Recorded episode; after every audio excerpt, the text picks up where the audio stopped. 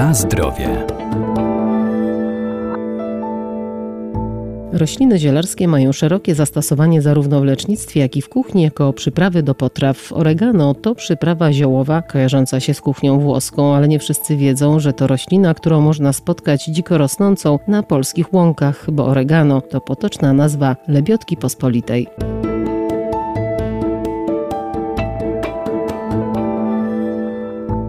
Zioła zawierają szereg ważnych składników mineralnych i witamin, są wykorzystywane jako przyprawy do potraw, czy też w ziołolecznictwie i w aromaterapii jako rośliny olejkodajne. Między innymi działają antyseptycznie, pobudzają układ odpornościowy, czy wspomagają trawienie. Rośliny zielarskie to zarówno rośliny lecznicze, jak i rośliny przyprawowe i czasem bardzo trudno odróżnić te dwie sfery ich działania. Profesor Renata Nurzyńska-Wierdak, Uniwersytet Przyrodniczy w Lublinie. Wszystkie rośliny przyprawowe mają korzystny wpływ na organizm człowieka.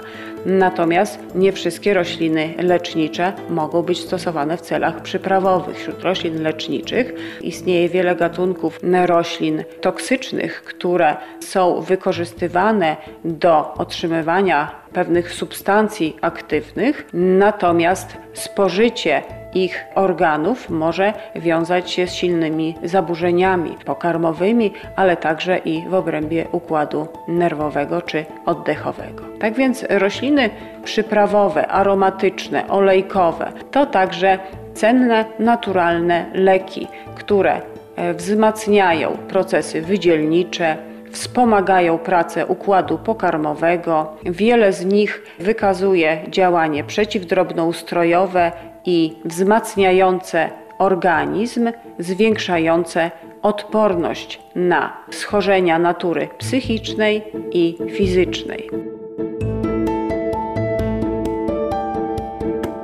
Na zdrowie.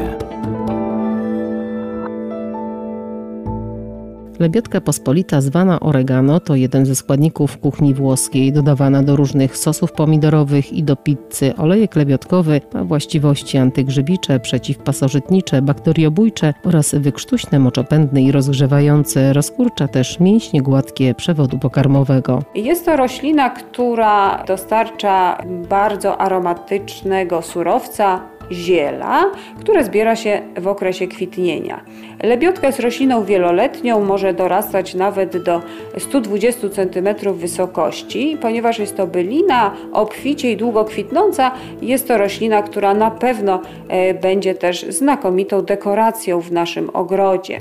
W okresie kwitnienia jest również e, oblatywana przez owady zapylające i to nie tylko pszczoły, ale także spotykamy tutaj inne owady i różnobarwne motyle, a więc efekt dekoracyjny będzie jeszcze wzmocniony. E, barwa kwiatów bardzo interesująca, bo są to kwiaty różowe, fioletowe, ciemnofioletowe, a nawet białe, w zależności od odmiany, od formy, którą posadzimy w naszym ogrodzie.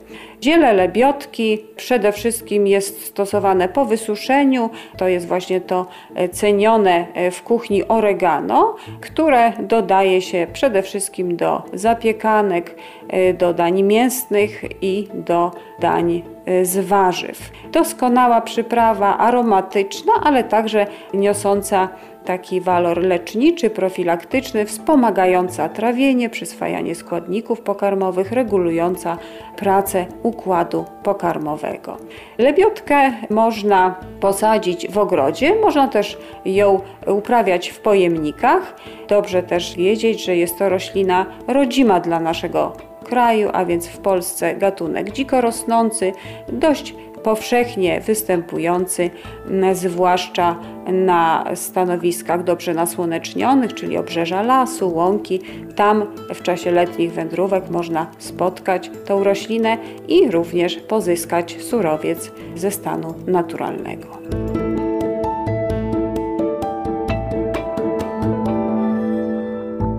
Oregano, podobnie jak i wielu innych roślin zielarskich, można przyrządzać herbaty ziołowe i stosować po spożyciu nadmiernej ilości ciężkostrawnego jedzenia, np. z majeranku, tymianku czy mięty.